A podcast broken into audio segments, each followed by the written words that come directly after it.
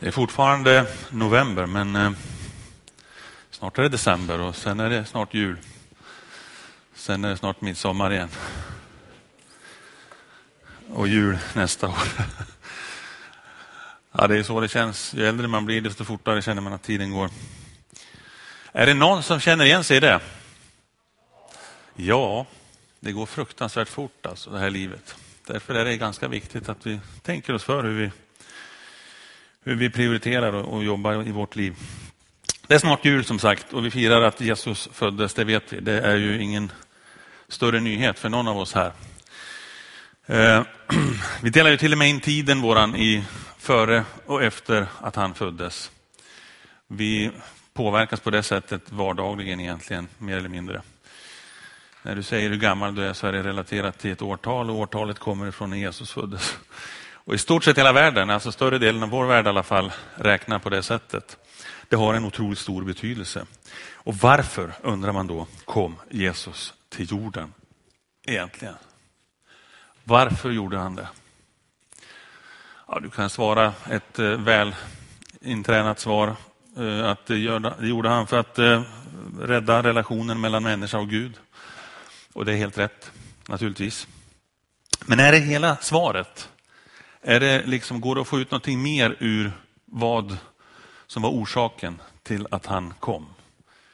Ja, det gör det. Det går att få ut väldigt mycket mer, men vi ska inte göra det. Men vi ska ta ut lite till i alla fall ur den sanningen. För det första, Jesus kom för att. Och har du din penna redo så ska du skriva in rätta till missuppfattningar om vem Gud är. Intressant. Finns det missuppfattningar om Gud och vem han är? Har det någonsin funnits någon sån missuppfattning? Ja, det, det finns miljoner, höll jag på att säga, sådana. Eh, vi kan söka lite grann på nätet och se hur många träffar man får omkring vem Gud är. Och det är åtskilliga miljoner träffar man får på det och eh, massor av olika varianter av svar. Vad står det i Johannes 18.37 att han har kommit till världen för? Bland annat.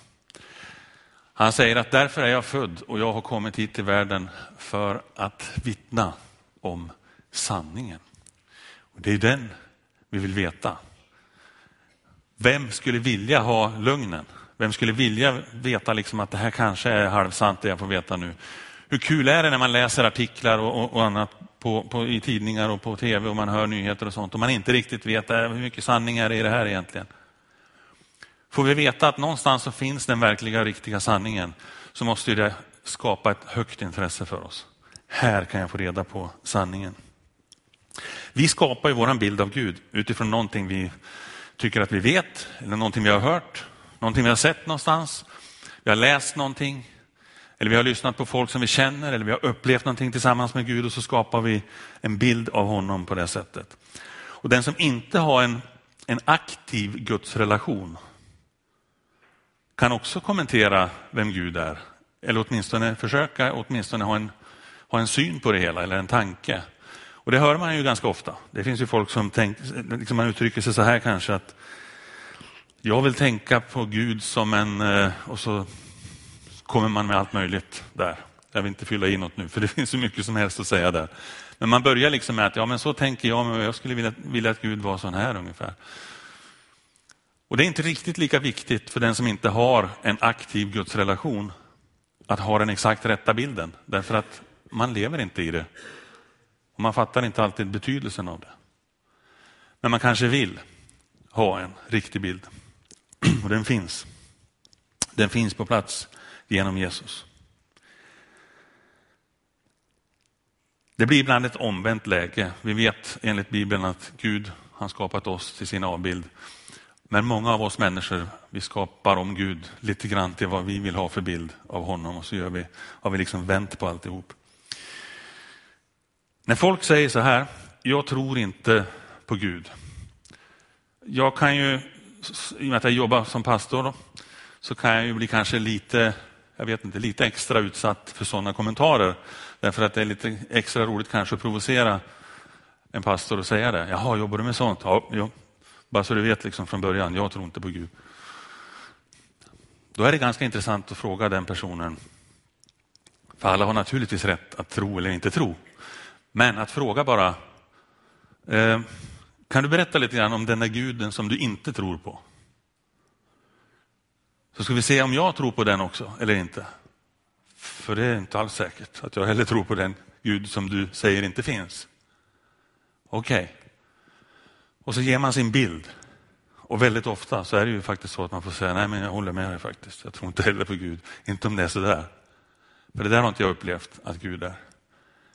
Och så blir det liksom ett samtal och en, en tankegång som växer och som kan utvecklas för båda personerna. I Johannes 1.18 så, säger, så, så står det så här, ingen har någonsin sett Gud. Den enfödde, det är alltså Jesus, som själv är Gud, har gjort honom känd. Okej? Okay? Här säger oss alltså att Jesus är Gud. Han är en del av Gud. Och det som syftas på att ingen har någonsin sett Gud är alltså att ingen någonsin har sett Fadern. Den delen i familjen Gud. Så att se på Jesu agerande, att läsa om hur han gjorde och hur han betedde sig, vad han sa för någonting, det är att ta en direkt del av vem Gud är.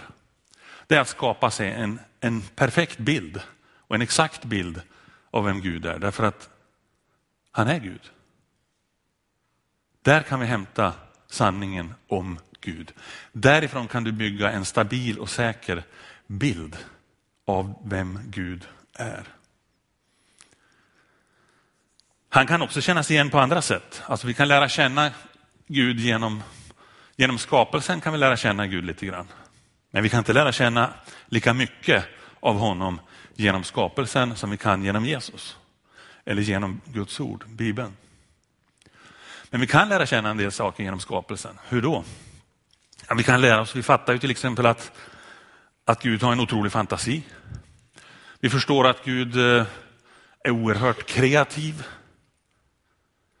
Han måste älska variation. Han måste älska variation. Har ni tänkt på det? Vad otroligt många sorter det finns av allting. Det finns tusentals skalbaggar. Tusentals, det hade väl räckt med 14? Nej, det finns tusen, det finns flera tusen. Nu har det säkert utvecklats lite grann under åren för att de, de eh, påverkas av miljö, klimat och annat så att det blir lite, lite nya saker som vi kallar nya arter och sånt. Men titta på en blomsteräng. Vilken fantasi, vilken kreativitet, vilken kärlek Gud måste ha till variation. Om vi alla här inne skulle tillsammans med 10, det finns inte 10 miljarder, jag höll på att säga, 5 miljarder till skulle sätta våra fingeravtryck på ett ställe hela tiden så skulle inte ett vara likadant som något annat. Snacka om otrolig variation. Din röst, ditt röstavtryck som du kan ge och som går att spela in och, få exakt, det, det finns inte heller två likadana. Inte ens tvillingar har samma. Gud måste älska variation. Vi kan lära oss sådana här saker genom att bara se på naturen. Men det ger ju inte allt. Det är många saker som naturen inte kommer kunna tala om för oss om Gud, men som Jesus kan. Vadå? Ja, utan Jesus så hade vi inte vetat att Gud älskar oss. Det hade vi inte. Det kan vi inte se i skapelsen. Eller? Ja, vi kan tänka att han måste älska oss eller något, men vi vet det inte den vägen. Men vi vet det genom Jesus. Bland annat genom att han kom hit. Så har han visat det. Och Jesus kom så krossade han fullständigt en myt om att Gud inte skulle bry sig i oss.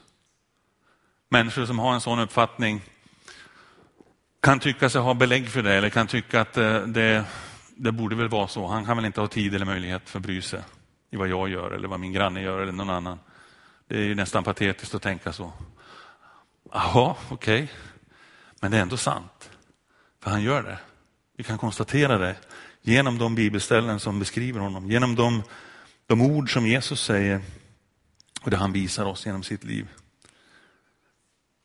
När Jesus predikar så predikar han bland annat om liljorna och att Gud bryr sig om dem. Sparvarna. Ganska häftigt va? Tänk att han nämner att han vet hur många huvudhår vi har. Men nu är vi ändå ute och cyklar lite. Hallå? Alltså vad spelar det för roll hur många hårstrån man har? Ja, det vet jag inte om det spelar någon större roll. Det är ett uttryckssätt för att visa hur stor omsorg och hur mycket han har koll på. Det är inte alla här inne som, som han har så svårt att räkna på, säger jag. Men många av oss har en del hårstrån kvar. Och de har han koll på. Vad menar jag med det? Det, det känns också som en löjlig grej. Liksom. Varför skulle han veta det och bry sig om det? Ja, det här kan vi ha olika uppfattningar om. Men jag, jag tror att han har full koll på det. Men jag tror inte att han håller på och jobbar med att bokföra det hela tiden. För det är inte särskilt viktigt. Men skulle någon fråga honom någon gång, vid vilket givet tillfälle som helst, så skulle han kunna säga det direkt. Därför att han har full koll på allt i hela skapelsen. Vilken Gud vi har. Det är häftigt. Så han bryr sig. Och det tog Jesus bort fullständigt, den myten att han inte skulle bry sig. Jesus är också ljuset som hjälper oss att se klart. Och eh, att se saker som de är, att se saker tydligt. Sånt som har varit i mörker under en lång period för oss kan bli otroligt viktigt att få ljus över. För efter en tid så tycker man att det är hemskt jobbigt. Ibland kan du sitta själv och säga kanske att det här var fruktansvärt jobbigt, hur ska jag klara det här? Ja, därför att det finns ett visst mörker du befinner dig i, i den situationen, när det gäller den saken. Därför så känns det väldigt tungt och jobbigt. Där kan han kasta ljus över det. Och det, här är, det här har jag inte tänkt så jättemycket på under mitt liv. Hur stor effekt ljuset har på hur bra man ser. Det är ju självklart på ett sätt. Jag menar, det är klart att man ser bra på dagen och man ser mycket sämre på natten. Den självklarheten är en grej. Men när det kommer ner i mindre saker och i detaljer, det märker jag när jag bland annat jobbar med, med telefoner och datorer och sånt. Det, I en iPhone så har, har du ett IMI-nummer som det kallas för, en typ av serienummer som sitter på, de flesta telefonerna sitter det på ett simkort, simkortshållare heter det. Den som du sätter in simkortet i. Och i den så står det ett, ett nummer och det är fruktansvärt litet. Alltså. Och är det dessutom häftiga färger på de här telefonerna så, så, det, så kan det blänka så konstigt så att det, man sitter där och liksom ska fylla i de här uppgifterna. Då får man ju ta, ta av sig glasögonen, det beror på vad man har för synfel. Jag får ta av mig mina glasögon och ta det närmare för då ser jag väldigt bra. Men det kanske inte alltid räcker. Man får ta ett förstoringsglas för att få upp det lite grann. Och så ibland tar jag en lampa, en stark ficklampa. Och så lyser jag på den så wow, ser jag direkt en sån liten grej som man tycker inte borde kunna ses alls nästan, syns jättebra plötsligt. Därför att ljuset kommer dit. Ja, det här är självklart för er alla, men alltså det här, jag har på senare år upptäckt hur fantastiskt det är med en lampa när det är små grejer Och att ljuset har sån otrolig betydelse. Johannes 14 och 8 till 9. Det här är en intressant text. För här har vi en lärjunge som säger så här till Jesus. Herre, visa oss Fadern så räcker det för oss. Och vad svarar Jesus? Han säger, så länge har jag varit tillsammans med er och ändå känner du mig inte Filippos. Den som har sett mig har sett Fadern. Okej. Okay. Han menar att han är Gud, återigen. Och en annan intressant tanke bakom det här som väcks när man läser det. Kan man alltså vara en lärjunge? Kan man vara nära Gud?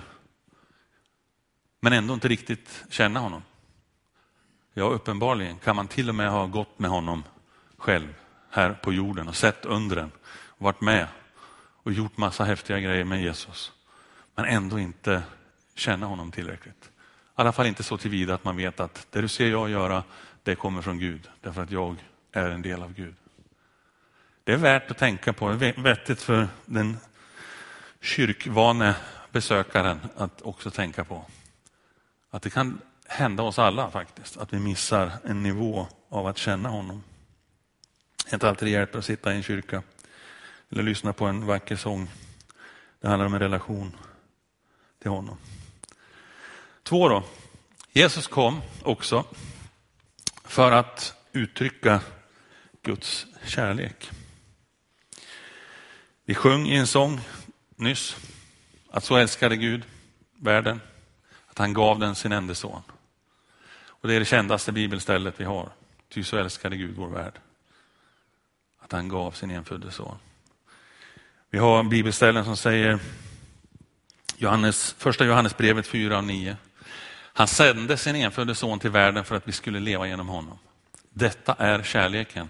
Inte att vi har älskat Gud, utan att han har älskat oss. Och sänt sin son till försoning för våra synder. Ordet älskar har det gått ganska mycket inflation i.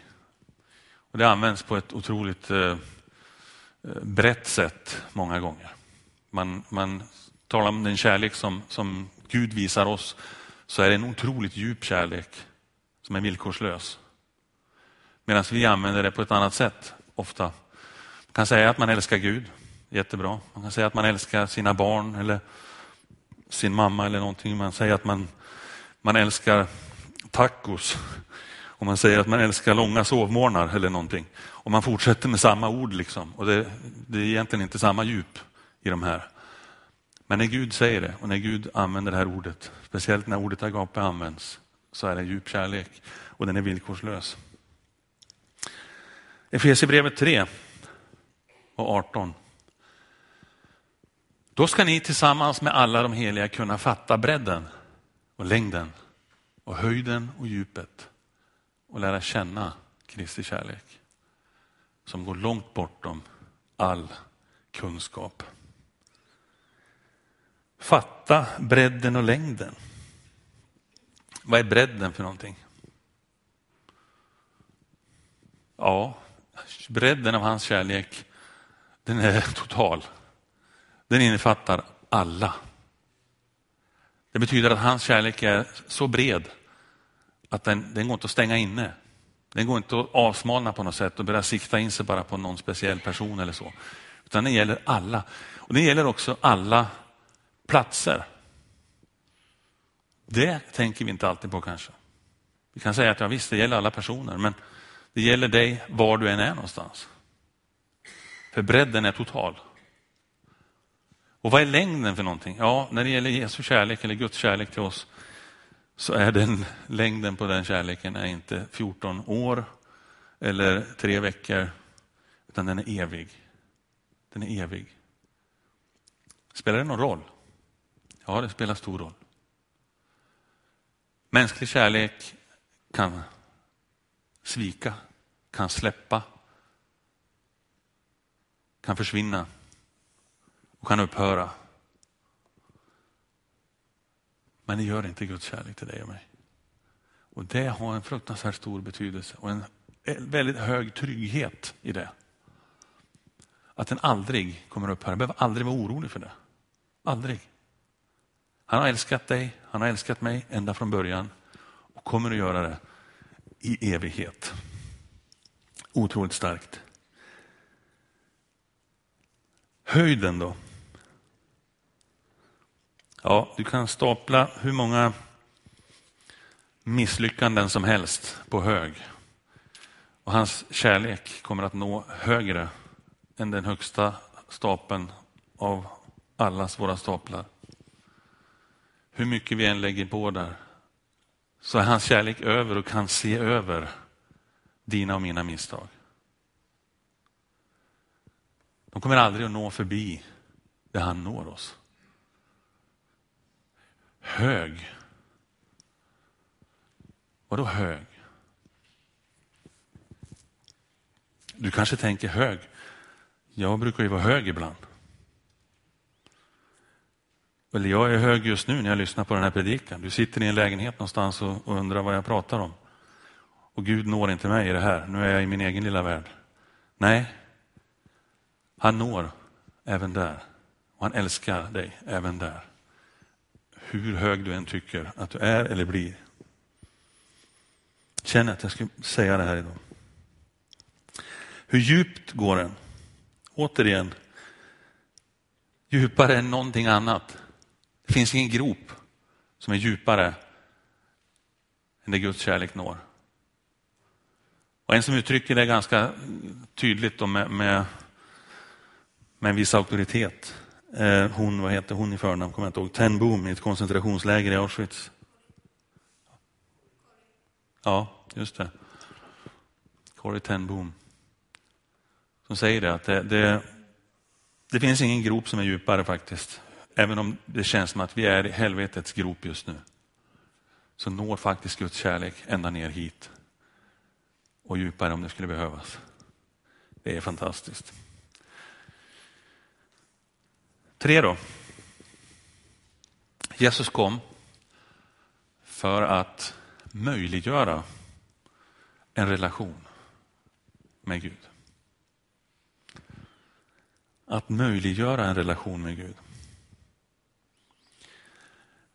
Egentligen så är det nog lite grann över huvudet på de flesta av oss, kanske alla.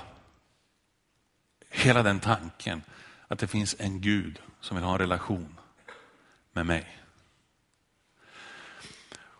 Och Jag vet att här idag i kyrkan, eftersom jag känner väldigt många av er, inte alla, men många, så vet jag att det sitter många här som har varit med jättelänge i den här kyrkan eller i andra kyrkor och har hört de här formuleringarna och de här kommentarerna så många gånger. Så de går nästan ut i andra örat när man hör dem igen.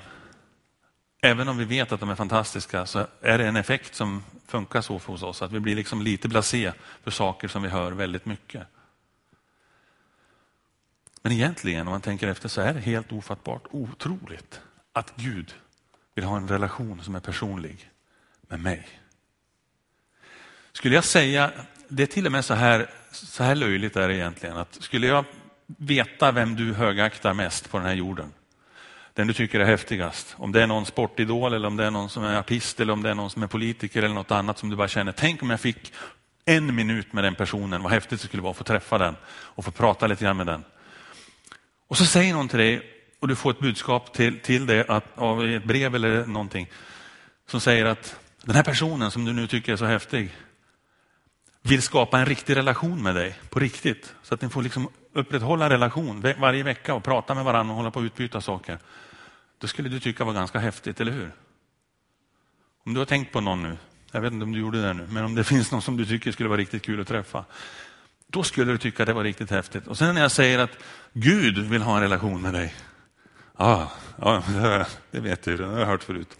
Men det är ju tusen gånger häftigare egentligen. Så man undrar ibland, hur ska man göra för att väcka en gammal kristen människa som har somnat in i de här tankarna och fatta nivån på Guds kärlek till oss. Och hur ofattbart det är att han faktiskt vill ha en egen relation personligt med oss.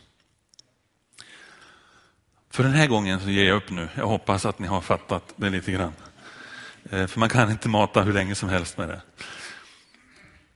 Men det här livet på den här jorden, det är bland annat faktiskt en förberedelse för vår evighet. Det är inte bara att det här liksom är, vi kan ju få för oss det också, att det här, här vi lever våra liv och sen är vi döda. Och visst, vi ska vara i evighet någonstans, men det bryr jag mig inte om nu. Nej, men det här livet är i viss del en förberedelse för evigheten. Men han vill börja relationen redan här. Han vill helst jättegärna ha en bra relation med dig redan innan du kommer in dit till evigheten. Du och jag kan fatta punkt ett och punkt två. Vad var det då? Ja, att Jesus kom för att rätta till missuppfattningar om vem han är. Vi kan också fatta att han har kommit för att uttrycka Guds kärlek. Och ändå ha problem med att få till punkt tre. Och inte skapa någon relation. Vi kan leva så att det verkar som att vi lever väldigt nära, men det blir inte hela vägen fram. I Galaterbrevet 3.26 står det att alla är ni Guds barn genom tron på Kristus Jesus. Alla ni som blivit döpta till Kristus har iklätt er Kristus. Alla, vilka är alla? Ja, alla är ju alltid alla. Eh, och ibland kan ordet alla vara in, invävt i en mening som på något sätt ändå ger vissa villkor. Och det är det ju faktiskt här. Det är ju inte så att det automatiskt är så att alla människor per automatik när man föds så är man, kommer man i sitt liv att vara en, en del av Guds familj. Man är det när man föds för att man är barn, självklart. Men man blir äldre, man börjar begå sina fel och misstag, man kanske lämnar Gud Och Det är inte någon automatik i att man tillhör där. Men troende på Kristus och sen låta döpa sig dessutom, då har du iklätt dig Kristus. Då har du den delen.